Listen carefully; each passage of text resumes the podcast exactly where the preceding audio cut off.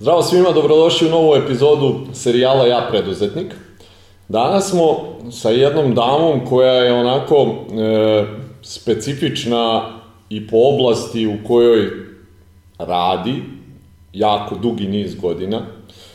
Po tome što se bavi i nekim onako kako se na to vidi tradicionalno muškim stvarima, pa sam saznao da zna i da bari i da pop nitnuje, ako se to uopšte tako i zove, nisam siguran za taj izraz.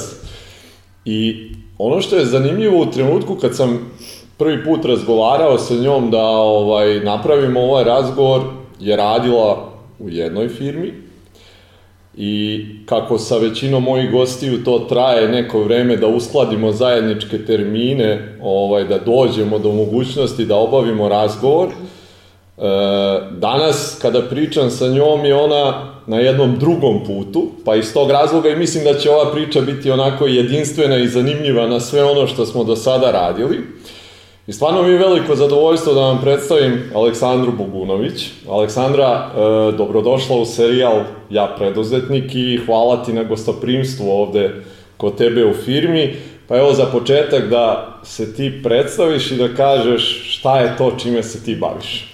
Hvala puno što ste došli, što ste me uopšte i pozvali da učestvujem u vašoj emisiji koju zaista i pratim i gledam i zaista smatram da ste imali fenomenalne sagovornike, tako da hvala, hvala. na, na prilici eto da i ja malo nešto ovaj, kažem na temu ovog svog posla, a jeste istina je umeđu vremenu između naša dva susreta ja sam izašla iz porodične firme koju je još moj otac sa partnerom osnovao još davne 90. godine i koja se bavi proizvodnjom vatrogasnih kamiona i opreme, firma se zove Bexing i od jula praktično ove godine sam u svojoj novoj firmi gde sam ja vlasnik 100% i koja se bavi istim tim poslom, ali jednostavno bez proizvodnje. Mm -hmm. Akcenat je na prodeji, na servisu, e, probat ćemo da malo na neki drugi, moderniji način približimo publici koja je opet specializovana i to opet je roba koja nije široke potrošnje, radi se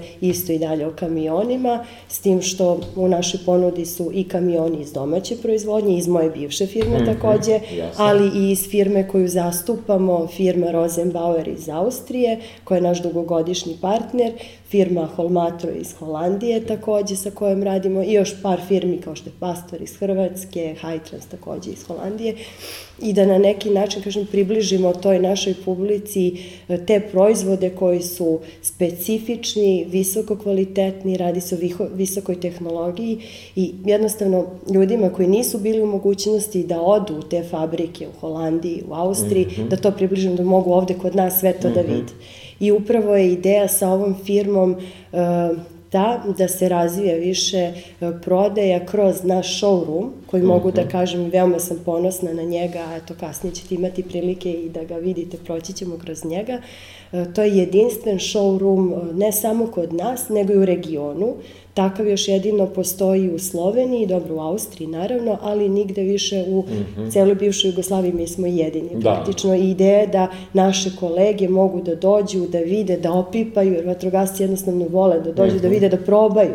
Jasne. Jer na kraju ta oprema je kao što sam već rekla, skupa i ne može da se iz kataloga naruči, potrebno je videti koje su njene mhm. prednosti, šta to ima, jer ajde sad reklamiram firmu za koju radim, ali e, firma Rosenbauer je zaista kao što i taj Holmatra, znači sve imamo svetske brendove koji su lideri u svojoj branši i koji su na toj startnoj poziciji broj 1 upravo zbog toga što mnogo ulažu u razvoj. Mm -hmm. Oni idu napred, znači bukvalno pet godina ispred svoje konkurencije. U sledeće godine, to jedva čekam, imamo veliki sajam u Hanoveru, Taj sajam se zove Interšuc i on se dešava jedan put u pet godina i tu dođu svi koji se bave ovim poslom. Mm -hmm. Znači i iz Kine, iz Evrope, iz Amerike, znači bukvalno svi su koji su mm -hmm. u tom mhm. poslu nešto, tamo budu na tom sajmu i onda se stvarno vidi gde ste i šta ste i bukvalno šta oni pre, prikažu na tom sajmu konkurencija tek u narednih pet godina kopira mm -hmm. i pravi. Mm -hmm. Tako da sam stvarno ponosna što radim i sarađujem sa njima i jednostavno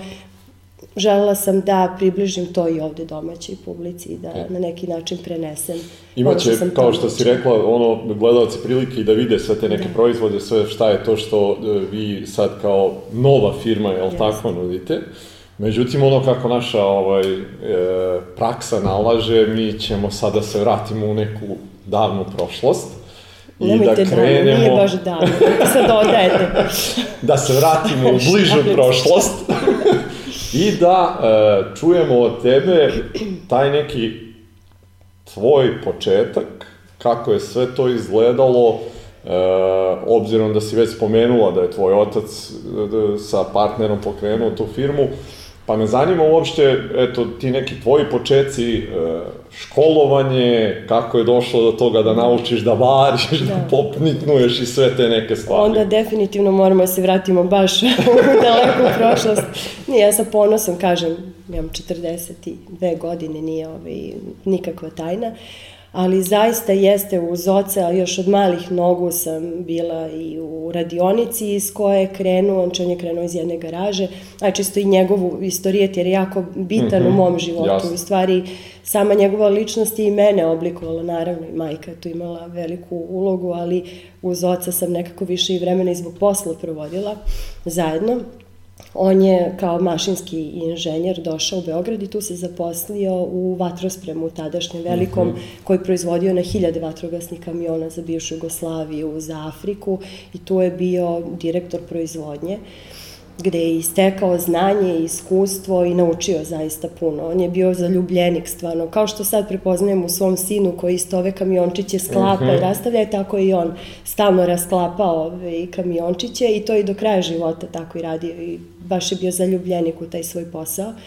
I kako nije bio osoba koja je trpela autoritete, jednostavno i taj sistem ga je gušio, to je bio veliki sistem, velika firma, on je odlučio da se osamostali i da krene put preduzetnika, što tada nije bilo ni malo ni popularno, mm. je, mogu da kažem, među prvima. Da.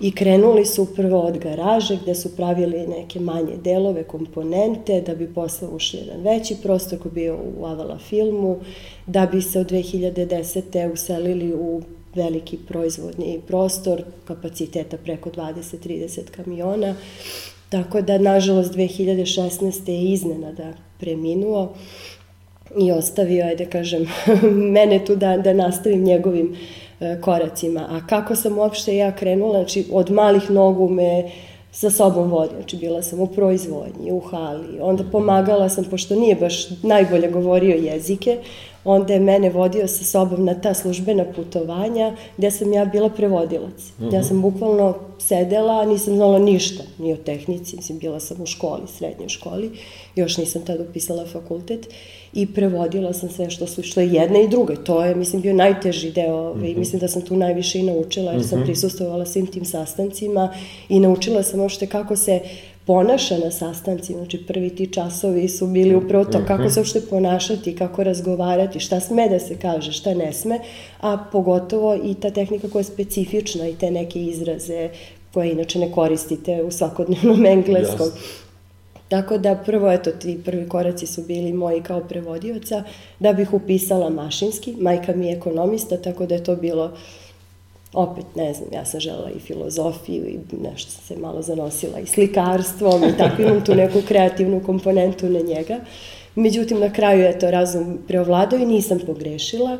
Završila sam fakultet sa odličnim prosekom 9.0, zaista kad bih ponovo birala, izabrala bih ponovo mašinski fakultet i znanja koje sam tamo stekla dosta primenjujem, s tim što mislim da ono što me je najviše upravo oblikovalo jeste rad nakon tog fakulteta, gde je otac naravno očekivao da će odmah čim dobijem diplomu i tamo smo imali naravno vežbe i zavarivanja, nitnovanje smo u firmi, ali zavarivali smo u laboratoriji za mašinske materijale. Ove, ali e, naljutio se na mene, to je recimo bila interesantna situacija kad sam završila fakultet, on je naravno očekivao da će ja odmah doći kod njega i da ću tu početi da radim, međutim meni se ukazala prilika da se zaposlim u JAT-u. Rekao, zašto ne, evo pripravnik sam, da probam nešto i malo drugačije, da vidim da nešto naučim, ja sam se zaposlila, ja bio ljud na mene, nije htio da kakva je to propala firma, kakav cen, još je bio tad JAT Airways, da bi se na kraju pokazalo da mi je stvarno bilo odlično iskustvo, Tamo sam radila pa boga mi više četiri godine, čak sam dogurala i do mesta šefa sektora nabavke, gde sam bila zadužena za nabavke za ceo JAT, od kancelarijskog, uh, uniformi, kompjutera, preko voznog parka, čak smo iznajmljivali na leasing i avione, Aha. tako da je bukvalno bilo digle do, do aviona, ne lokomotive. I mislim da stvarno i ti kontakti i to znanje, uopšte rad u takvom jednom sistemu mi je posle za posao i u svojoj firmi, a i kod oca puno znači. Posle sam još jednu firmu promenila, nakon toga je, tada je bila veoma jaka i uspešna firma Europen, direktor vlasnik eh, Bane Lazović je došao i ponudio mi je dobru poziciju, uslove i ja sam posle nekoga to vremena prešla kod njega, tako da sam tu stekla i znanja iz prodaje. Tamo sam vodila deo prodaje kancelarijskog eh, materijala, tako da taj komercijalni deo sam tamo isto naučila mm -hmm. i mhm. sa druge strane kroz tu prizmu prodavca opet videla kako to funkcioniše. Mm -hmm. Tako da mislim da mi je i to dosta pomoglo i svakako smatram da neko ko je u, u poslu ovom kojim se mi bavimo mora da ima i znanje iz jedne yes. i sa jedne i sa druge, da razume da. i ono koji naručuje i opet da zna kako i da priđe tom uh, klijentu i kupcu na kraju. Onda sam pravila pauzu, pošto sam umeđu vremenu izrodila troje dece, ja sam inače uh, ove, onako kampanjac, kad sam rešila da, da se udam i da rađam, neka sam sad ću troje odjednom i onda sam rodila svo troje na po dve godine. Čak sam omašila u četiri dana između dvoje najmlađih, jedno je 14. juna, drugo 18. tako da inženjerski pristup je bio i tu. I posle svega, eto, tog, to je naravno ovaj, otac sve onako sa odobrenjem prihvatio i naravno to su bili najsrećniji trenuci i u njegovom životu i u našim. I posle toga se konačno vraćam u svoj, mislim, bila sam sve vreme prisutna, umeđu vremenu mhm. putovala sa njim, učestvovala u poslovima, ali kada sam završila to sa tim svim majčinskim, ajde kažem, dužnostima, onda sam se zvanično i vratila ovamo i uh, baš mi je bilo, ja kažem, i taj neki period kad smo provodili zajedno, iako smo se mi, pa kažem, sa najbližima ste valjda i naj, naj, najlakše vam je da se s njima i posvađate mhm. i mada to je, kažem, danas se posvađate, sutra se sve mirite. Recimo, eto isto, to je bila interesantna situacija, prvi dan moj nakon svega toga vraćam se u firmu I ja dolazim i tamo, pošto sam navikla, znači bila u Jatu, bila ovde, svi smo imali banalna stvar, e, mailove, ime, tačka, prezime, pa firma. Došla u firmu, samo jedan mail gde stižu svi, sad svi čitaju sve, gomila nekih mailova koji ni ne treba tu da Rekao, daj da vidimo ko nam radi održavanje IT sistema, napravimo svakome uh mhm. -huh. e-mail adrese prema imenu i prezime. O, tu smo se posvađali, ne može, jer dobro, oni su navikli na taj stari način, što se posle meni obilo o glavu na, u nekim situacijama i nije loše da možete da, da iščitate šta sve ove, se dešava po tim drugim mailovima, ali dobro ali posvađali smo se, ja sam dala otkaz, ne, ne, ne možeš ti da daš otkaz, ti dobijaš ovaj otkaz i tu smo, ja sam To je prvi dan na poslu. Prvi dan. Ja sam otišla kod moje mame, isplakala se, sve ok, i sutradan sam uredno došla, kod da ništa nije bilo i nastavili smo. da reci mi, e, sad kad pogledaš, to je onako e, jedan deo zanimljiv e, tvoje životne priče, dakle imaš porodičnu firmu, i ipak nisi direktno krenula da radiš u njoj.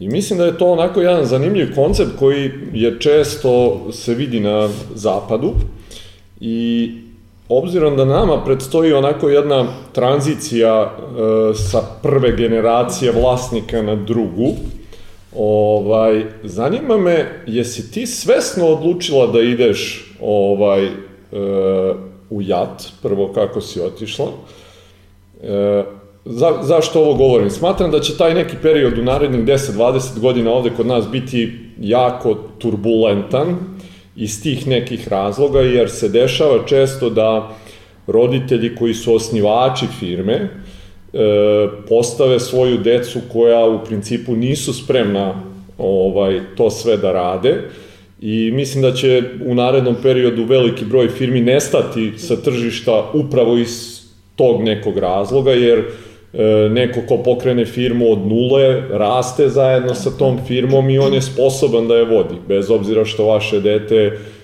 prvo, čak i ako hoće da se bavi tim poslom, ne znači da ono ima znanje i ako je završilo neku školu ili ne. I sad me zanima ta tvoja odluka da uopšte odeš u JAT, je si razmišljala uopšte o tim nekim stvarima, rekla si i mogu da zamislim koliko ti je to iskustvo bilo dragoceno kad si se onda vratila u porodičnu firmu sa nekim znanjima koja onda možeš da primeniš na, na taj Tako. posao. Pa je li to bila neka svesna odluka ili je to onako, eto, slučajno Jeste, došlo? Jeste, bila je 100% svesna, ja sam razgovarala i sa ocem i sa majkom o tome, doneli smo naravno, za, mislim, ja sam na kraju donela odluku, ali bila opet zajednička, ali jeste. Upravo iz tog razloga i ja smatram i mislim da i svoju decu ću nekako na tu stranu usmeravati da uh, Ili postoje dve mogućnosti, da dete ukoliko dovedete u svoju firmu, bukvalno mora da krene od početka. Od nule. Od nule, da. da bude dole sa svojim radnicima, da prođe, znači one najosnovnije opere, da zna kako funkcioniše ta firma. Mm -hmm. Jer kasnije ako treba da rukovodi, da upravlja njom, mora da zna svaki proces u toj mm -hmm. firmi. Ili opet, kažem, i ovo po meni je odlično kada mo, bi moglo i neko um, školovanje u inostranstvu mm -hmm. da se mhm. iskombina, da se vidi kako se radi. Recimo, mnoga znanja i iskustva koje sam dobila dok sam bila na studentskoj razmeni na praksi upravo u ovoj austrijskoj firmi sa kojom danas uh, sarađujemo, ja danas primenjujem, jer sam bila tamo kao student među njihovim zaposlenima, sam znala po imenu njihove mm -hmm. radnike u proizvodnji, Oni su sa mnom delili čak njihove projekte, nacrte, kad sam došla kući, kad sam donela ocu šta su mi dali sve o dokumentaciji, kaže, ja, ovo je tajna poslovna, ti si bila industrijska špionaži, ali jednostavno to me je i oblikovalo. I danas su ti mhm. ljudi na određenim pozicijama tamo i meni je mnogo lakše da ih sad okrenem i da imam sa njima slobodnu komunikaciju, jer oni mene znaju još iz tog perioda. Da. Imam i sliku gde me ne bi ni prepoznali sa smeđom kosom ovako od ovde, ovaj, kada sam bila baš tada kod mm -hmm. njih. Recimo, prvi put sam uopšte o tenderima čula upravo tada, jer ja sam prošla celu organizaciju, znači od konstrukcijnog biroa, proizvodnje, planiranja, mm -hmm. nabavke, prodaje, znači bukvalno su me prošetali, oni imaju fantastičan sistem, to mi sad pokušavamo ovde isto da da se uključimo u e, sistem dualnog obrazovanja, mm -hmm. aplicirali smo pri Privrednoj komori da od naredne godine imamo studente upravo kod nas ovde mm -hmm. koji će biti od početka, od prve godine i da učestvuju. Jer mm -hmm na, nažalost deficitarna je struka, jako je teško naći ljude iz ove naše branše, uopšte naći mladog čoveka koji, koji bi krenuli mi da oblikujemo, jako je da, teško da, da. naći. Ali taj sistem austrijski koji sam ja videla dok sam tamo bila, savršeno funkcioniše, činima dolaze još i srednje škole, prolaze kroz sve te procese kao što sam ja mm -hmm. prošla, naravno mnogo duže i detaljnije, i oni posle biraju od tih svih đaka one najbolje. Najbolje, da. I upravo je to, ovaj, ja mislim, i, i bitno da firma upravo i opstane. A ono drugi problem koji opet vlasnici prave, to je da često firme prevaziđu svoje vlasnike i svoje mm -hmm. menadžere. Tako. Kod nas je još uvek meša vlasnička i menadžerska struktura, struktura jako je bolno i teško da vlasnik donese odluku da dovede profesionalnog mm -hmm. menadžera koji će postaviti stvari kada jednostavno, naravno, firma raste, mi smo, sad nas ima četvora, mi smo mali, ne treba nam, znači, mislim, Jasno još uvek je vlasnik, isto i menadžer. Ali, kažem, imala sam priliku da vidim i u sobstvenom primeru i kroz druge firme, da jednostavno firma prevaziđe to i da je neophodno napraviti. Jesu mhm. promene bolne, mhm. meni isto nije bilo lako da donesem tu odluku da izađem iz porodične firme, opet je to firma sa uh, tradicijom, mm -hmm. sa rep, ovi, referencama, toliko godina na tržištu, ali jednostavno žela sam nešto novo i nešto drugačije i to je nešto što me sada i motiviše -huh. i, i tera i da radim i, i danju i noću i vikendima i Mislim da, ali opet, eto, volila bih da i moja, ne znam, da li će želeti da se time bavi. Mm -hmm. Kad mog sina pitate, pošto ja mu stalno tutkam ove vatrogasne kamione, ja, ja stalno pričam kao, evo, baš se zanima za vatrogasne kamione, samo se njima igra. A onda me neko pita, kao, a šta mu kupuješ od igračaka? Preko vatrogasne kamione. vatrogasne kamione i vatrogasne kamione. ali ovi, svakako bih voljela da prođu taj put, da odu i negdje drugde, mm -hmm. pa na njime opet posle tu malo rizikujete da li će se vratiti, ali... Da. Dobro, ti si se školovala i u Francuskoj, je li tako? Ovaj... Ne, ovde kod nas ovde? je na ekonomskom fakultetu Aha. bio program zajedno sa poslovnom školom iz Pariza, okay. HSE. Da. I to su bile postdiplomske pošto sam shvatila da kao inženjer nemam baš puno znanja iz mhm. ekonomije, mm -hmm. ono što mama moja ovaj, ima. Tako da sam prošla, to je godinu dana trajao taj master i mislim da je jako koristan, mm -hmm. isto bio intenzivan. Ja sam tad radila još u Jatu, imali smo predavanja svakog dana posle posla i subotom od ujutru do uveče i interesantno je što smo pored naših e, domaćih e, predavača, stvarno poznatih profesora sa ekonomskog fakulteta, imali i predavače upravo iz Francuske, iz Pariza. Mm -hmm. I zanimljivo je vidjeti kako, na koji način oni predaju. Da mnogo više e, daju akcenat na primerima iz stvarnog života. Mm -hmm. Smo se smeli uvek om našem profesoru koji je davao primer Renault, Renault and Peugeot sa njihovim mm -hmm. naravno akcentom, pošto je bilo na engleskom. Dobro, imali smo i prevodioca, ali uvek je bilo Renault, Peugeot i uvek su tu bili primeri iz prakse. Da koji posle i ostaju. Mm -hmm. Evo kako se samo buba suva teorija, mm -hmm. to izvetri ako se da, ne da. koristi. Da. Reci mi, e, vraćaš se, znači, nakon te dve firme ovaj, u porodičnu firmu i u tim nekim počecima, šta su ti neke obaveze, šta, kojim se konkretno ti stvarima tada baviš, kad si si ponovo tek došla? Da, pa nazad. ja sam onda želela stvar, mislim, da se ne lažem, nisam je bila u proizvodnji i pravila, mm -hmm. ali sam sa svojim mantilom iz Rosenbaura, bila zaista, jer to je opet mala firma, mhm. dvadesetak ljudi, svi su tu upućeni u sve. Ali sam stvarno želela i ono što kažete popnitlo. Htela sam da probam i to, uzela sam pištolj i te ove, mm -hmm. nadgradnje koje se oplatiraju ove, sa tim limovima moraju da se tim popnitnama i učvršćuju. Da, ako dajte mi da pokojim, nisam mhm. bila loša, bila sam mm -hmm. i brza. Ali dobro, i ti ljudi, to su ljudi koje ja znam od malih nogu i koji mene znaju još kad sam bila dete, tako da jednostavno to je ovaj deo tog mog i odrastanja i nije me bilo ni sramote da pitam sve mhm. šta god me zanima i oni su, kažem, bili dobronamerni i dan danas smo i na, u vezi i imam i njihovu podršku. Tako da mislim da je to opet uh, bitno i taj deo. A pa bila sam, opet, mala je firma, mi svi smo se svime bavili, ali ja sam recimo radila tendere, upravo to što sam prvi put čula u mm -hmm. Austriji, gde sam, ovaj, to je još 99. eto, kad sam ovaj, bila. Ovaj, tender, onda sam prošla isto obuku za međunarodne, pa smo učestvovali na nekim IPA tenderima, I uglavnom, ajde kažem, naš taj posao je dosta složen zato što se sastoji iz samog, ajde, starta projektovanja tog nekog, eh, ajde kažemo, kamiona, gde vi prvo priđete klijentu, krajnjem korisniku, da vidite koje su njegove konkretne potrebe. Jer svaki taj kamion je specifičan i mogu da kažem custom made. Znači mhm. svaki ovaj, klijent ima neke svoje specifične zahteve. Nije isto da li će biti na aerodromu ili u nekoj industriji ili u rudniku ili u gradu.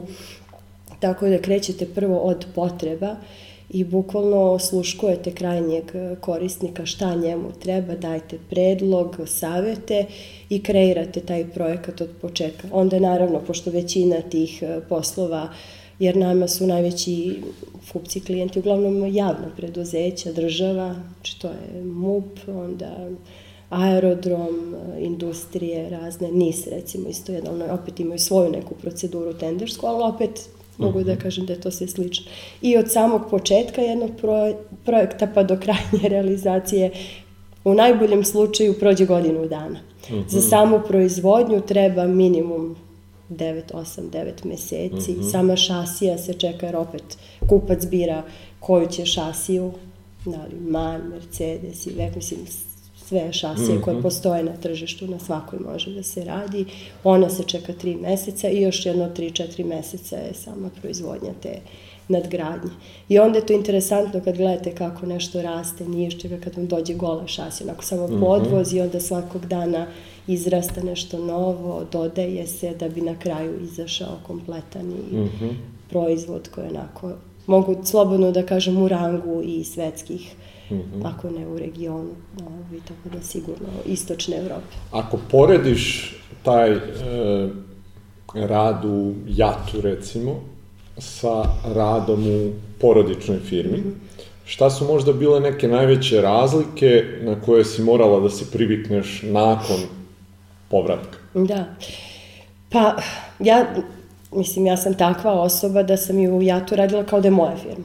Znači, mhm. to je isto Dobro. bilo onako, da li si normalna, idi kući, nije ovo, ja, mislim, to je, ajde, do mene. Ali najveća razlika su procedure procedure kada je neka firma sa 3000 zaposlenih, tačno se zna od zahteva, ja sam tada bila zadužena za nabavku, znači od zahteva koji stigne od neke konkretne službe, do realizacije papirologije je ogromna. I ako vi pustite da to ide nekim tokom od službe do službe, da portir, no, kurir u stvari nosi to isto tako traje. Nego morate bukvalno vi da se pobrinete, mm -hmm. da to ove, ovaj, malo se i ubrze i nekim prečicama dok prođe pravnu službu, financije, 15 potpisa umeđu vremenu. Ali dobro, opet kažem, interesantno je bilo i iskustvo, pogotovo što sam ja imala prilike da radim na tenderima od početka, kako je zakon o javnim nabavkama u stvari i izašao od 2002. Mene su poslali među prvima iz Jata na obuku, sećam se kao i juče da je bilo, znači iz uprave za javne nabavke su organizovali te prve još obuke koje sam ja prošla i kao evo ti tender i sad ti radi neki tender.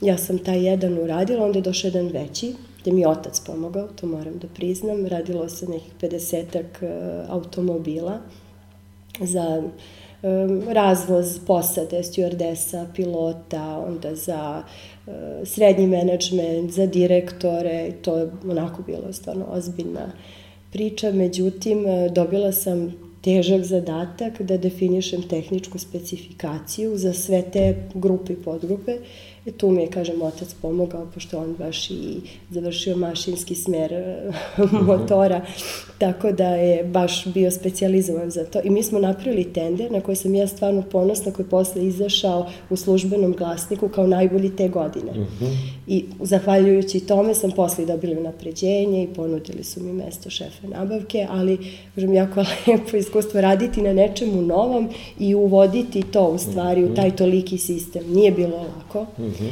Mnoge su kolege, jer ja kad sam došla da budem tamo šef, imala sam pa manje od 30 godina i došla sam koleginicama da budem šefovica, tako su me zvali, koje su mhm. već tu neke bile i pred penziju. Sad vi njih da natera, mislim naterate, ali da ih ubedite da sada moraju u stvari drugačije se radi, se pišu izveštaj, da se dostavljaju ponudu zatvorenim kovertama, da bude otvaranje javno, zapisnici čuda, to je baš bilo onako mhm. problematično. Mm -hmm. Neki su i otišli i ranije u penziju, ali jednostavno to je moralo ta tranzicija da se napravi i to što smo mi tada, e, taj i pravilnik o tome kako se rade nabavke u samom jatu je bio i osnova koju su oni posle i razrađivali i nadograđivali, mm -hmm. tako da eto ponosna sam i na to da sam deo ovi, ostavila mm -hmm. nekog traga i da, tamo da, da i po, danas po tome ovi, rade. Jel, e, spominjala si te e, procese i procedure koje svaki veliki sistem yes. na neki način ima. E, kad si se vratila nazad u porodičnu firmu, jel e, si pokušala nešto od tih Jesam. procesa i procedura da implementiraš? da. To me zanima. Yes. Iskreno ja, e, obzirom da radim taj posao koji radim, ja mislim da kad dođem u porodične firme, stvarno se nikad ne trudim da, da se napravi ono klasična korporacija. Jednostavno vi morate može, da završ, zadržite neku tako, tu crtu tako. vlasnika jednog više ili koliko koji su na neki način i napravili tu firmu tako, takva kakva je. Ali opet kad dođeš iz jednog uređenog sistema u uh, klasičnu, da Blago tako kažemo, firmu koja manjka svega toga, kako izgleda sad tvoj pokušaj da nešto od toga implementiraš i šta tebi onda kažu u tom trenutku? Da, mislim, bez šale ove, i u prošloj i toj porodičnoj svojoj firmi mi smo naravno sve ISO standarde i postoji procedure definisane i sve. Ono što sam ja pokušala i što sam ajde i uspela i to je onako ovaj, jedan deo uz pomoć, mislim jedan veći deo uz pomoć i evropske i BRD-a. Mm -hmm. Či, inače, što se tiče procedura, nabavki, e, proizvodnje, radnog naloga, to je sve isto standardima definisano. Sad, koliko se tu sprovodi, mm -hmm. i ne mhm. može baš uvek, ima dosta tu, kao što sam rekla, i tog nekog ručnog rada i e, menjanja na samom terenu, prilagođavanja u datoj situaciji. Yes. Pa gubilo bi se vreme kada bi papir sve to morao da isprati. Jednostavno mora da se, te male firme su i zato i ove, ovaj, u neku ruku i bolje od tih većih jer su fleksibilni, mm -hmm. prilagodljivi, mogu brže da reaguju. Mm -hmm. Ali ono što sam ja pokušala i što nadam se to da, da će i zaživeti, to je program koji smo sa IBRD-em eh, napravili. Uh, E, za planiranje proizvodnje, koji upravo ima smisla kada se rade serije u većem broju, mm -hmm. gde jednostavno vi morate unapred da znate kada treba poručiti koji materijal, koje Jasne. delove, šta se uvozi, koliko se čeka, kao što sam rekla, mnogi komponenti iz uvoza se dosta dugo i čekaju.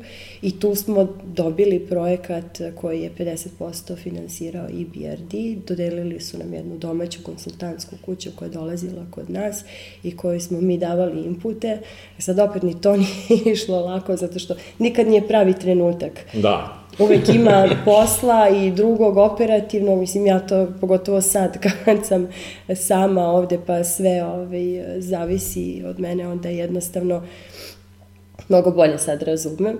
E, ali opet smatram da neke stvari moraju da se postave, da bude sistem taj da ne zavisi od jednog čoveka. Mm -hmm. Znači, najgore što može da se desi da firma zavisi od jednog čoveka mm -hmm. i Mislim, naravno, svi smo zamenljivi. To i moj otac je otišao, pa opet je firma nastala, nastavila da živi mm -hmm. i da radi uspešno, ali mislim da bi mnogo lakše sve bilo da je jednostavno taj sistem tako napravljen da, da može i bez tog glavnog, mm -hmm. da mm -hmm. tako kažem. I upravo ja to sad i ovde pokušam, ovde je lakše jer mi smo start-up, znači mi smo da. bukvalno od nule, tako da sada pokušavamo upravo to, da se ne preopteretimo prevelikim procedurama, predetaljnim, mm. ali da se neke stvari Jasne. znaju kako se rade da. i da procedure postoje. Naravno, ne kao u tim velikim sistemima, da Ali, ali to more u neophodno da. je. Pa, e, mnogo je lakše kad se to uradi na samom početku, yes. nego kad kasnije yes. pokušavate yes. u firmi yes. koja ima yes. 20 yes. ili 200 zaposlenih. Skoro i nemoguće. Da, skoro i nemoguće. E, sad, taj deo, e, zanima me, spominja, spominjala si da si bila šefovica, da, da, tako kako su te zvali. Pretpostavljam da si imala neki deo e, obaveza i u porodičnoj firmi, u Bexingu dok si bila, gde si vodila neki tim, e, kolika je razlika i šta si morala da prilagodiš opet kad poredimo veliki sistem i kad poredimo porodičnu firmu, na koji način su to bile neki drugačiji pristupi možda ljudima, rad sa njima, kako je to izgledalo sa te strane? Da. Pa svakako, pogotovo što ja, ja tu sam bila onako iz klupe izašla i nisam imala ni iskustva i nekako sam pokušavala i da taj tim koji sam imala i kad se radilo, stvarno znalo se, sve su te ženice, uglavnom su mahom su bile žene, ovi, davale sve od sebe, opet kad smo se družili, i dan danas smo stvarno na vezi i dolaze i podržavaju me, kad sam dobila i nagradu, bile su na, na proslavi i baš onako sam ponosna na, na to što smo i dalje na, na vezi i kontaktu, iako nije, nije bilo lako, ni njima, ni meni, ali jednostavno morate da se prilagodite, mm -hmm. svakoj e, i situaciji i poziciji i mestu gde ste, a kad sam došla u firmu, ja sam počela kod oca, iako sam bila šef u JATU ipak biti šef neke službe od 30 ljudi je ipak nešto. Ne, kad sam došla kod tati, ja sam bila pripravnik ponovo. Mm -hmm, da, da on je bio najsuroviji, najoštriji prema meni, što je bilo dobro. Absolutno, što je bilo da. dobro. Jer najgore što možete za dete da uradite, da ga dovedete bez znanja, na mesto direktora mm. i da on mm. misli da sve zna i da sad može da tim ljudima naređuje i mm -hmm. to mislim je medveđa usluga. Mm -hmm. Tako da je on to svesno, nesvesno uradio, ali pravilno je postupio. I jednostavno ja sam se prilagodila datoj situaciji. Znala sam od uvek da ću se vratiti i mm -hmm. da radim tu kod njega. i jednostavno to je i bila moja ideja od samog početka, iako sam otišla u jednu Mhm, drugu mhm. firmu, uvek sam to imala negde na, na umu, ali prilagodite se, tako da ja sam isto krenula iz početka. Mhm. Koje godine kad se ti vraćaš u, u firmu? Pa ja sam se zvanično Zvanično, vratila naravno. 2008. kad sam ovaj, već sa, krenula, kao što sam rekla, Mhm. sa ćerkicama, jer Dobro. niko vas ne bi istolerisao da ste šest godina na trudničkim i porodiljskim uzastopno. Ali, ovaj, pa eto, kad sam završila 2012. sa ovim trećim detetom, onda praktično Mhm. posle toga. Dakle, e, neke četiri godine si provela do očeve smrti Jest, da ste jest, zajedno bili jest, ono konstantno jest, u firmi. jest. I sad pretpostavljam da ti je taj odnos sa ocem bio i, i familijaran i mentorski na Jest. neki način i da te je poprilično oblikovao i kao osobu i kao preduzetnicu danas. Jeste, kako da ne. E, na koji način sad tu kad treba da napraviš neku i da li je moguće napraviti uopšte crtu, e, pitam te sve neke ove stvari obzirom da si ti e, na neki način druga generacija i mislim da nam je ovo prvi put u serijalu da razgovaramo sa nekim ko je druga generacija, dakle neko ko nije osnivač same firme, pa hoću što više tih nekih Da, da, naravno. informacija da dobijemo koliko je teško razdvojiti e, posao i život, da to tako kažemo. Nemoguće. Znači, Mhm. mi smo naravno i na porodičnim ručkovima, subotom, nedeljom. To je normalno, mislim, to se Mhm. pričalo u porodici i uvek su te teme bile prisutne, tako da mislim da je nemoguće. Mhm. I dan danas, opet trudim se koliko mogu da ne opterećujem svoju porodicu, Mhm. Ali to je opet teško. Ipak živite sa tim, mislim, Mhm. pogotovo kad ste u svojoj firmi, vi dan, noć o tome razmišljate. Mhm. Jednostavno, mislim, mislim da je drugačije nemoguće. Mhm. E sad opet treba naći samo meru da porodica opet e, ne trpi. Eto imam isto lep primer sa ocem e, kako je on to kombinovao, pa se ja sad trudim i u svom dobro. primeru. Pošto kažem, išla sam sa njim dosta kao prevodilac na ta službena putovanja. Jednom prilikom smo otišli u Italiju. Smo trebali da idemo e, neko mesto blizu Venecije, Conegliano, kako se već zvalo. Međutim, išli smo preko Rima i trebalo je da dođemo u Rim nešto popodne, malo da se prošetamo, nisam pre toga nikada bila u Rimu, kao eto tamo da iskoristimo priliku kad smo već u Italiji, da malo se nas dvoje prošetamo, procunjamo. I ujutru smo imali let e, za Veneciju gde nas je čekao taj poslovni partner kod koga smo išli u posetu. Međutim, Alitali, kao Alitali, kasnije je let, znači mi smo umesto u šest popodne stigli u ponoć otprilike, je baš ponoć, ali recimo 11 sati, sad ništa ne radi se zato šta ćemo? I moj otac pošto ja nikad nisam videla Rim, e, da smo otišli pravo u hotel, samo bi prespavali i ujutru došli opet na aerodrom, on je ostavio stvari na aerodromu, u onom lokeru, i mi smo celu noć šetali po Rimu, brali mandarine sa drveća, pošto su ovi kasnili da su nam davali one male flašice ovaj, u Alitaliju vina, ovaj, to smo poneli se sa pored fontane bi previla, popijuckali vince i to mi je stvarno onako doživljaj koji ću zauvek pamtiti. Nije mu bilo teško, jako je operisao i kičmu i sigurno mu nije bilo lako i da hoda celu noć da ne spava i da mi ujutru idemo na taj avion, Da. još plus ceo dan sutradan sastanke i sve. Ali eto, znači, ta neka mera tog privatnog i e, to možda porodične firme eto, omogućavaju. Da, da i ako da. radite zajedno, opet imate te neke prilike da malo u tome i uživate. Tako da, eto, ja isto pokušavam da nekako svoje deci to omogućim. Skoro sam isto iskoristila neko službeno putovanje, pa sam čerku isto povela neki koncert, pa to bila je presrećna, mm -hmm. smo Lepo. Arijanu Grande. da slušamo. Lepo, pa e, svakako... e, Ali nemoguće jednostavno Da. baš napraviti rez i podeliti, e sad je u četiri dolazim kući i više da, ne, i nema, ne. jasno. Čeo pre neko večer ja sam ustala oko jedan, jer sam se nečega setila, ako bolje sad to da uradim, inače mm -hmm. neću moći da zaspim. Mm -hmm. Mislim, jednostavno takve stvari Mhm. Da, su da. normalne. E, 2016. si rekla, otac ti je preminuo i e, na neki način jako, pretpostavljam, težak period za tebe i, i ovako životno, ali kad pogledaš sa poslovne strane, na neki način si ostala i bez mentora, nekoga ko ti je, ovaj, i, i, i pored, opet kažem, te e, familijarnog dela bio i poslovno i model i uzor i neko ko te je vodio. E, kako u tom periodu ti sve to izgleda, koliko ti je teže e, i u poslu, sad da odvojimo taj lični deo, ako ga je uopšte moguće odvojiti, e, funkcionisati narednih, eto, koliko, tri godine, koliko si se zadržala posla još u Beksinu? Pa meni je, pravo da vam kažem, tih godinu dana nekako u nekom magnovenju stvarno prošlo. Znači ja nisam prvo što to se desilo iznenada, niko nije očekivao. Ove, pogotovo što, ne znam, i mama mi je na bukvalno na isti dan bila operisana, znači totalno je bila, bila sam pre, zaokupljena njom, šta će se, kako će njena operacija proći, da bi se eto te iste noći, odnosno jutra dok je ona bila na operacijskom stolu, on jednostavno se nije probudio. Mm. Naravno da je to za mene bio, mislim, i dan danas, mislim, smatram da to je nemoguće ovaj, i dalje no. ovaj, jednostavno čovjek se na, nauči da živi sa tim i zahvalan je za sve one trenutke mm -hmm. koje je imao, eto, tako, kao što su ovi. Ali, pa i u poslu, naravno, mnogo bi mi bilo lakše. Mm -hmm. Mi smo ovaj, i razgovarali na tu neku temu, znači, i otvaranje neke nove firme, imali smo takvih ideja, ali jednostavno nije došlo na red. Mm -hmm. Nije, uvek je bilo nešto preče. Mislim, znate sami kako to.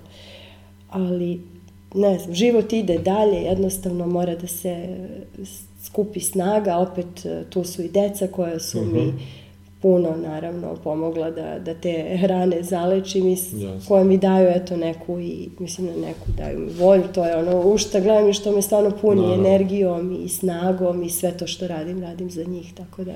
Reci mi, je li e, bilo nekih e, nesigurnosti ili strahova nakon toga, da. kad ti sad treba neke stvari da uradiš, da.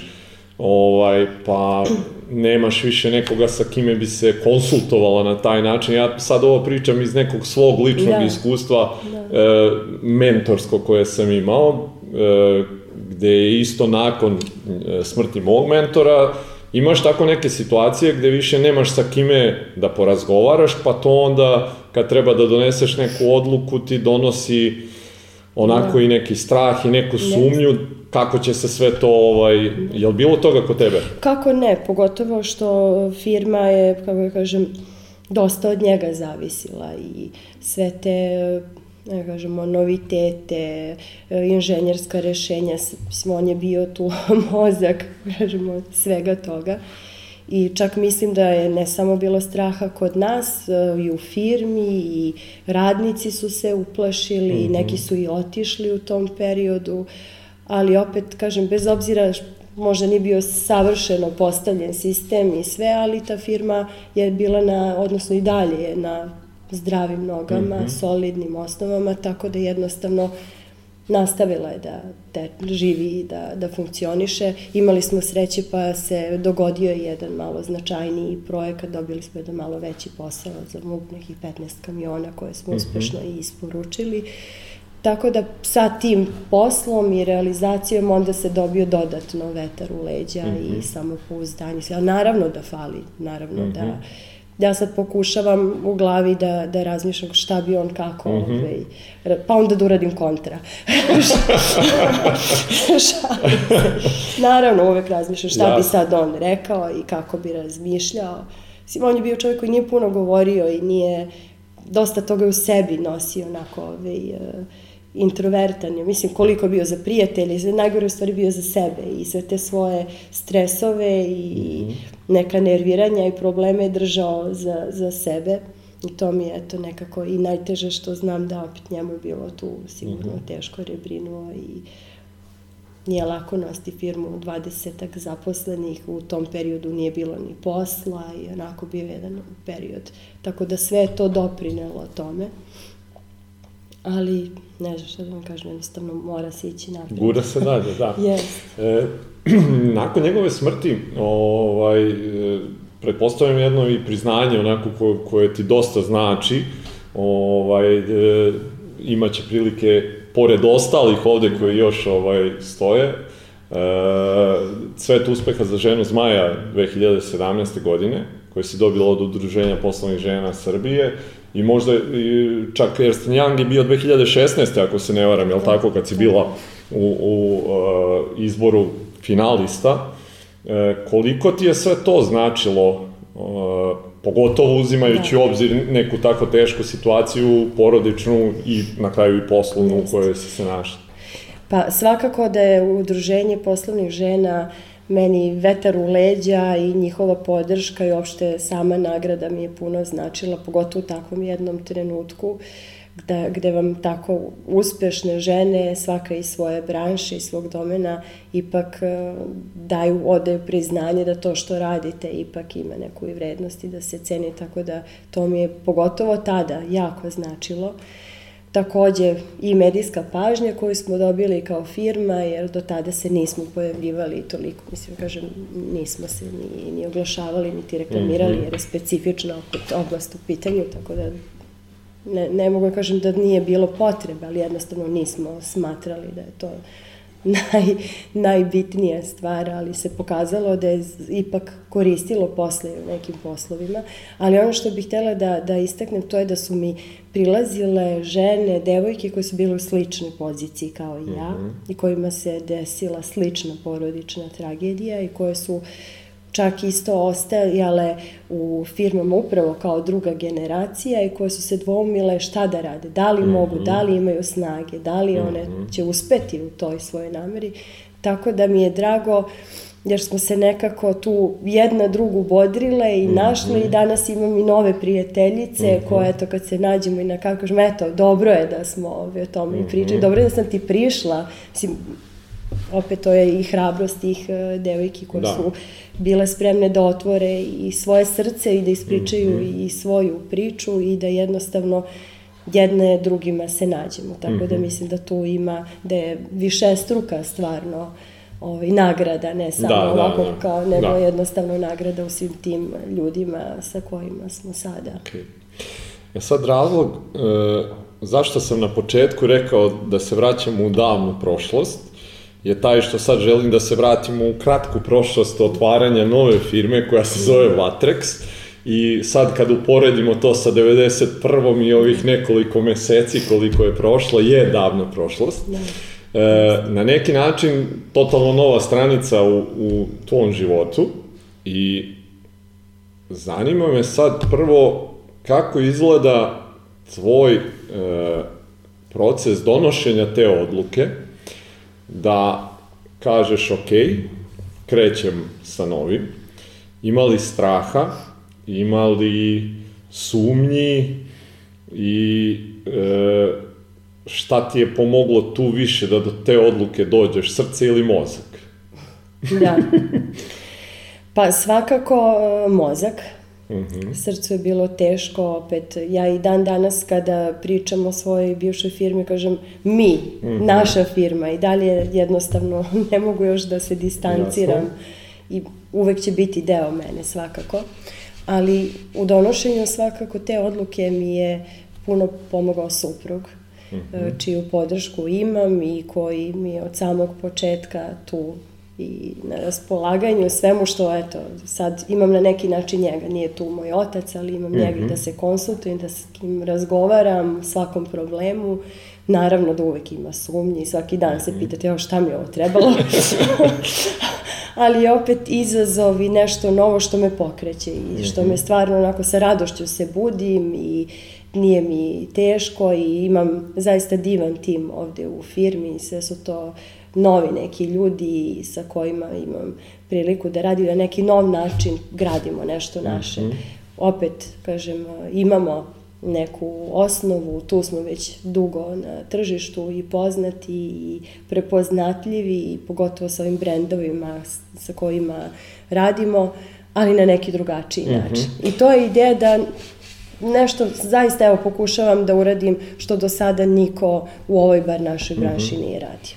E, sad gledajući ti imaš dosta iskustva u industriji, malte ne ti nisi promenila industriju, nastavila si da radiš u njoj i imaš dosta nekog, pa da kažemo, preduzetničkog iskustva. Je tvoj otac taj koji je pokrenuo firmu, ali ti si zaista dugo bila uz tu firmu, rasla i ti kroz nju i koliko su ti sad ta neka znanja, recimo, koja je sad kad uporedimo druge ljude koji te kreću u posao, koji ne znaju ništa o tome, koliko je tebi to sad sve značajno bilo kad si rešila da otvoriš svoju novu firmu i da kreneš u nešto novo? Naravno, puno mi je značilo, mnoge stvari sam već znala, neke stvari sa nekim sam se zaista ja prvi put mm -hmm. susretala sa recimo osnivanjem, pa mm -hmm, sa aperom, da. pa ime, znači nama je bio problem ime, Aha. jer su, postoji firma koja ima dva slova samo permutovana, pa su nas onda vratili, pa smo morali da dodamo Rescue, mislim, ako nije Aha. bilo u početnoj varijanti. Recimo, to je bilo meni nepoznati, samo ta naša administracija da, oko snivanja. Jeste. Ali ove druge stvari, naravno, i puno mi znači. Nešto sam prihvatila, nešto sam preuzela, nešto opet želim i da promenim. Mm -hmm. I kad e, razgovaram, kažem, znam kako se to tamo radilo, ne želim da to bude mm -hmm. isto. Znači, neke stvari želim kompletno drugačije. Mm -hmm. Ali svakako mislim da je olakšavajuća okolnost. Mm -hmm. Jesi sela lepo napravila neki biznis plan? Da, da, Dobro. detaljan biznis plan mm -hmm. i to ove, od mene su zahtevali čak Austrijanci da to bude sa planiranjem petogodišnjim unapred. Mm -hmm. Što je onako za našu branšu i za, ja mislim, i za Srbiju dosta težak zadatak, ali nešto smo ove, uspeli i ja sam zaista eto, pokušala da koliko je to realno i sagledam, napravim. Tako da trudim se da se držim tog nekog mm -hmm. plana. Kad uporediš sad te dve firme, je kratko vreme, ali je li ima nekih stvari već koje si ti morala sama na sebi da menjaš u odnosu na to kakva si bila u uh, staroj kompaniji? Pa naravno, svakako uh, i oko formiranja i tima i samog možda odnosa, jer ovde, mislim, tamo su opet bili, koliko mi je bila lakšavajuća okolnost, jer su to ljudi koje znam od malih nogu, opet je i otežavajuće, jer mm -hmm. oko jer autoriteta i znaju vas kao malo dete. Tako je, Šta da. ti meni mala? da, da, da. Tako da ovaj, samo eto polazeći od toga, mada opet i, i kod mene u firmi su sada ljudi koje opet znam i kroz svoju mm -hmm. prošlost iz doba iz perioda tog jata i tog mm -hmm. i mastera i te bivše firme Europen, tako da su mm -hmm. mi mhm. tu saradnici, upravo ti ljudi kvalitetni koje sam na tom svom putu do ovde i upoznavala. O, jednostavno drugačiji odnos. Imamo tu mm -hmm. to neko međusobno poštovanje koji treba i mora da postoji i naravno ja smatram da čovjek mora da uči stalno mm -hmm. i tu pokušavamo eto da, da pratimo stvari, da idemo i na obuke, na treninge, da se usavršavamo. Mislim da je to ono što isto ja želim da potenciram, da uh, gradim te svoje zaposlene i da ih uh, unapređujem, ne mm -hmm. samo firmu, proizvode, našu uslugu, ali i ljude. I ono što ja težim jeste da se okružim ljudima koji su bolji od mene. Znači da imam mhm. najbolje ljude u sebe, jer tako mhm. smatram da jedino firma i može i da i opstane i da napravi neki iskorak ka dalje, jer tu je onako sueta veliki problem, obično ljudi žele se okruže ljudima koji su u senci i koji su onako, ali mhm. ja baš smatram suprotno. Mislim da treba da imate tim ljudi koji su i bolji od vas i od kojih i vi možete da učite i da svaki dan nešto novo i zajedno donosite odluke, tako da to je možda ono glavna razlika, mm -hmm. da mhm. kažem. Ove... A reci mi, kad si zapošljavala sad novi tim, je li postojala neka, ok, sad si rekla da se trudiš da budu ovaj, stručni naravno o, u tome šta bi trebalo da rade, Jel postojala možda još neka stvar na koju si obraćala pažnju kad si rekla hm, on možda nije ili ona nije da. za nas, a ova ipak da. ili ova Ljudske dama je. Ljudske osobine, poverenje koje, naš, mislim, jako je teško naći danas uh, Nažalost, evo, imali smo skoro oglas za servisere. Imam, mislim, meni su ljudi ili prijatelji, poznanici iz ranijih godina, kolege bivše, mm -hmm. ili je to ovaj momak koga smo zaposlili kao serviser po preporuci. A dali smo oglas, steli smo da zaposlimo još jednog mladog momka koji bi bio uz ovog našeg servisera praktično da uči uz njega. Da li verujete da se jedan čovek samo javio? Znači, jako je teško naći uopšte ljude mm -hmm. koji bi u ovoj branši radili, a još da su vam i odani, i lojalni, da su mhm. pouzdani, da kada podelite zadatke znate da će biti mm -hmm. završeni, mislim, nije lako. ali opet verujem da postoje kvalitetni ljudi i eto, polako gradimo tim. Sad nas je, kažem, četvoro, planiramo još jednog da zaposlimo do kraja godine, pa polako. Mhm, okej. E, zanima me sad e, deo koji bi na kratko da posvetimo ljudima koji nas prate, koji su tu negde da započnu svoj posao. I sad, obzirom da si ti dugo bila u i raznim sistemima, pa u porodičnoj kompaniji, pa si se sad e, obrela u svojoj novoj kompaniji, neki savet koji bi njima dala e, što se tiče pokretanja sobstvene firme, šta bi to bilo na nekim onako e, jedan, dva, tri, koliko već ti stavki smatraš da su bitne, da svako ko razmišlja da uđe u preduzetništvo, da mora da uvodi računa o tome. Pa, mislim da je glavno prvo tržište. Da li to što vi radite ima druga strana, da li postoji koja je zainteresovana da to kupi, jasno. mislim, da li postoji tržište za to. To je prvo. Ono što opet e, možda je meni, ovaj, mislim, nije novo, ali uvek duplo obratite pažnju na troškove i kada ih planirate, pravite te biznis planove, bolje ih i uvećati i malo bolje, ovaj, pa posle se obradovati kada su manje. Mislim, dosta toga ovaj, nepredviđenog ima, mislim, od svakodnevnih nekih operativnih troškova, pa ne znam, ljudi, tim, mislim da je to isto jako bitno, sa kime to želite, jer e, pored vas, mislim, i da li vi imate vremena da se toj ideji posvetite maksimalno, Mislim, lepo svi imamo ideje, ja svaki dan zapisujem po brdo još nekih dodatnih ideja mimo ovog posla, ali nemam jednostavno vremena da se tome posvetim, ali da li možete 24 sata, jer definitivno ovo zahteva vreme 20, ovog celog čoveka zahteva, i da li ti ljudi koji su sa vama, koji bi bili sutra u timu, isto tako i razmišljaju, i su motivisani, i da li su tu cel, s celim svojim srcem i dušom ove, uz to. I da rade na sebi stalno, da uče, da ne misle da sve znaju, to definitivno. Mislim, Šta je tebi neki e, omiljeni način edukacije? Je, je li to čitanje knjiga ili, ne znam, e, neki seminar ili šta ti onako najviše leži? Da.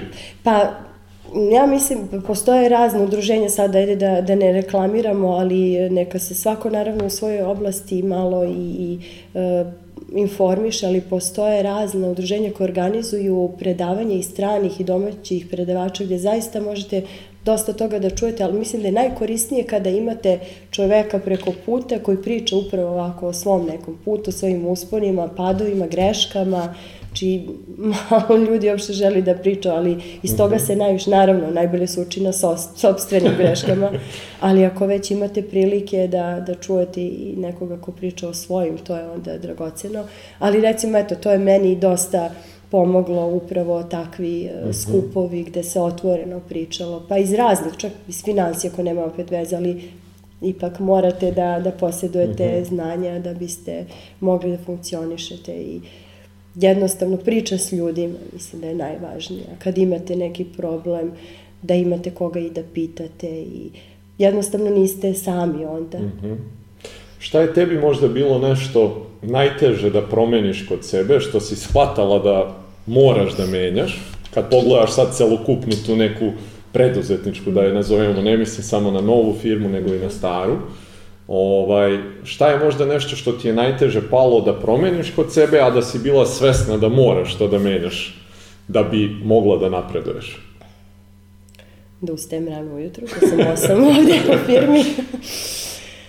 Jo, ne znam koliko sam uspjela da promenim, trudim se, ovaj, pa kao što sam rekla i u tom jatu i sve, ovaj, nekako taj sam tip osobe koja voli dosta toga da radi sama. Mislim, nažalost, što nije odlika dobrog menadžera. Znači, trudim se, nisam još uspjela, ali ovaj, po, pokušavam i trudit ću Dobro. se. Znači, da delegiram opet i, i posao i da jednostavno, mislim, imam poverenje, ali ne znam, to je nekako valjda i zbog toga što sam bila i u toj maloj firmi i u svojoj, gde smo svi radili jednostavno sve, nekako, ovi, eto, to delegiranje, to mi u stvari mm -hmm. najteže pada. Mislim da je to odlika dobrih menadžera, mm -hmm. tako definitivno nisam dobar menadžer. Dobro, ja ne bih se složio sa tim, ali e, svakako mislim da, da prvi korak ka nekoj promeni kreće sa tim da ti postaneš svestan da to treba da menjaš i da yes. treba na tome da radiš. Yes. Tako da, obzirom da si već rekla da si svesna yeah. toga, yes. svakako da ima pomak. Yes. A e, zanima me te neke e, greške koje si pravila, da li možda imaš neku koja je onako bila mm, velika pod znacima navoda, a da te je naučila neku onako jako važnu lekciju? Da. Pa možda tvrdoglavost neka moja, mm -hmm. gde sam možda isterivala neku možda pravdu tu u jednoj tih bivših firmi, gde onako, mm -hmm. iako to nije bila moja firma, nije bilo stvarno potrebe sa time, recimo. Danas opet da me pitate da li bi isto to uradila, verovatno bih, ali... ali, ovej... Ne znam, valjda su greške tu normalna stvar, mislim, nemoguće, mislim, svakog dana čovek nešto mm -hmm. pogreši, to je sasvim prirodno. I u vaspitanju dece i desi se da nemate strpljenja pa se izvičete ili nešto mm -hmm. posle bude i žao, ali mm -hmm. bitno je što ste rekli da se to negde markira, da znate da ste to uradili, da probate sledeći put da, da ne, mm -hmm. ne ponovite isto. Mm -hmm. okay. Ali možda ta neka tvrdoglavost, to sam nasledila na tatu. ok. A, a, dotako bih se još jedne stvari sad za strahove. E, ima li ih sad u novoj firmi? Imaš li onako neki strah? I ako da, kako ga prevazilažiš da te on ne ometa u tvom radu. Da.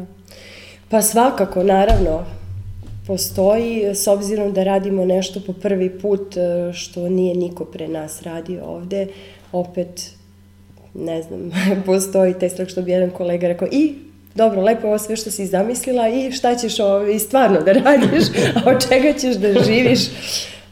Taj jednostavno strah od nedovoljno, možda nedovoljne količine posla i uh, se sigurno da će proći, mora da prođe neko vreme mm -hmm. gde će se samo troškovi gomilati, a evo, malo prvo smo se pohvalili, smo imali prvu fakturu, ali proći će još dosta vode dok se ovaj, posao ne ustali, ali samo je to možda taj strah da taj period ne bude previše mhm. dugačak, mm -hmm. to mi je možda sad da. glavna preokupacija, dosta smo investirali, uložili i jednostavno taj neki možda mm -hmm. glavni. Ali ja verujem u to i mm -hmm mislim da za sada idem nekim dobrim putem, pa vidjet ćemo.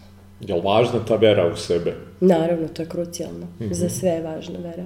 Znači, od odnosa u porodici s partnerom, poslovnih partnera, Je li tebi to nekako da. ta vera u sebe prirodna ili si morala da radi. radiš na tome? Na tome se radi, mhm. definitivno. Mm -hmm. To je, mislim, da, da kako se rodimo, mada dobro, neko je i rođen i jednostavno vidim i među svojom decom postoji razlike. Mm -hmm. Jedno dete koje onako sve ja, ja, ja, ja, mm -hmm. to je najmlađi sin koji sve naj, naj ovaj, zna do ovaj, druge čerkice koja opet onako dosta kvalitetna i sve, ali opet malo ima tu mm -hmm. podozrenja.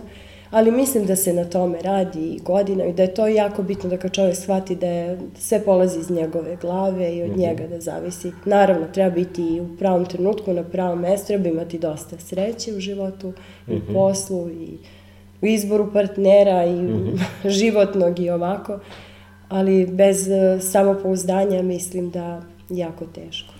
E, malo pre smo se dotakli odluke vezano za, za osnivanje nove firme, rekla si da je ona više bila mozgom nego srcem, jer emocija je ta koja te je vezivala sigurno za Just. tu staru firmu. Je li to inače tako ili što se drugih da. odluka tiče inače tu... drugo. da. Šta je, da. e, e, izuzevši tu, da. znači kad treba sad recimo u ovoj novoj firmi da doneseš neke odluke kako taj proces izgleda i šta je dominantnije, mozak ili srce?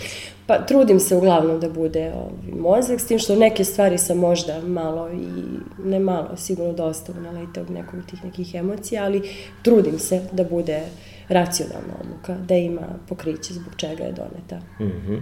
Inače, ne, odugov, ne volim da odugovlačim sa odlukama i mislim da ih treba donositi onako na, u pravo vreme, jer ako se propusti prilika, onda posle ni ta odluka nije odgovarajuća. Mm -hmm. Šta smatraš možda nekom svojom najboljom osobinom sad kad se okreneš na taj neki svoj ovaj i preduzetnički da. život i ovaj sad i onaj e, prethodni? Pa upornost, mm -hmm. upornost. Ja sam, što bi rekli iz privredne komore Austrije, you're very persistent. Rekao, to je lep način da mi kažete da sam dosadna. Ali ne, da, da, upornost, možda i to, ta neka, mm -hmm. možda i previše, ali mislim da bez toga ne može. I kad padneš, kad ti je najteže, ne vredi, tresi i mm -hmm. možeš dalje. Okej. Okay. Pitanje sa kojim inače završavamo svaki naš razgovor glasi da imaš priliku sad da budeš mentor Aleksandri iz možda te 2008. ili 12. ili koje god. Šta je to što bi ti sama sebi dala kao savjet? Da. Pa, to je teško pitanje.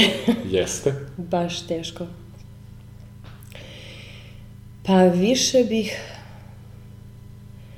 više bih se možda tada, u, da sam ja ovi, znači mentor toj Aleksandri, više bih možda vremena, dobro, za porodicu sada, naravno, tad nisam ni imala porodicu, ali možda, jer nekako nam je to vreme onako prolazilo u tim poslovnim stvarima, tada bi je to i otac bio živ možda bismo više tako uživali i u tim mhm. nekim sitnim stvarima ne bismo dozvolili da mm -hmm. prođe jednostavno, nemam vremena danas za ovo, nemam vremena sutra, treba malo stati, treba malo mhm. naći vremena za sebe i za, ne znam, jednu kafu sa dobrim društvom u nekom lepom kafiću s lepim mm -hmm. pomisim, eto, te neke možda, da ne bude onako glava u torbi stalno frkat, mislim i dan danas je tako, ona mm -hmm. Aleksandra iz 2008. je isto tako, mm -hmm. sa glavom u torbi, ali možda eto te neke da smo malo više imali vremena za tako neke stvari. Ne da obratimo pažnju na te neke sitnice, yes, jel da? Jest,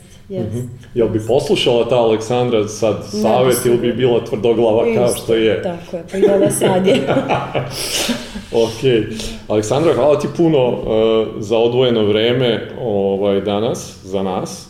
Želim ti stvarno puno uspeha sa ovom firmom i e, znajući da si uporna i tvrdoglava, ne sumnjam da ćeš ovaj, napraviti uspeh. Zaista drago mi je da smo imali priliku da čujemo priču iz jednog malo drugačijeg ugla, e, obzirom da kao što sam malo pre rekao, ovo je prvi put u serijalu da imamo nekoga ko je druga generacija, ko nije pokrenuo firmu, pa da može da se čuje i ta neka strana priče, obzirom da će u godinama koje dolaze to biti jako važno za sve te neke mlade ljude koji treba možda da naslede svoje ovaj roditelje u poslu kojim se bave i e, iz tog razloga baš mislim da je tvoja priča važna. Nadam se da ćemo u, u vremenima koji dolaze imati prilike još takvih priča da čujemo jer smatram da je kao što si ti sama rekla deljenje tih nekih iskustava i teškoća koje imamo i problema koje imamo pomažu drugim ljudima.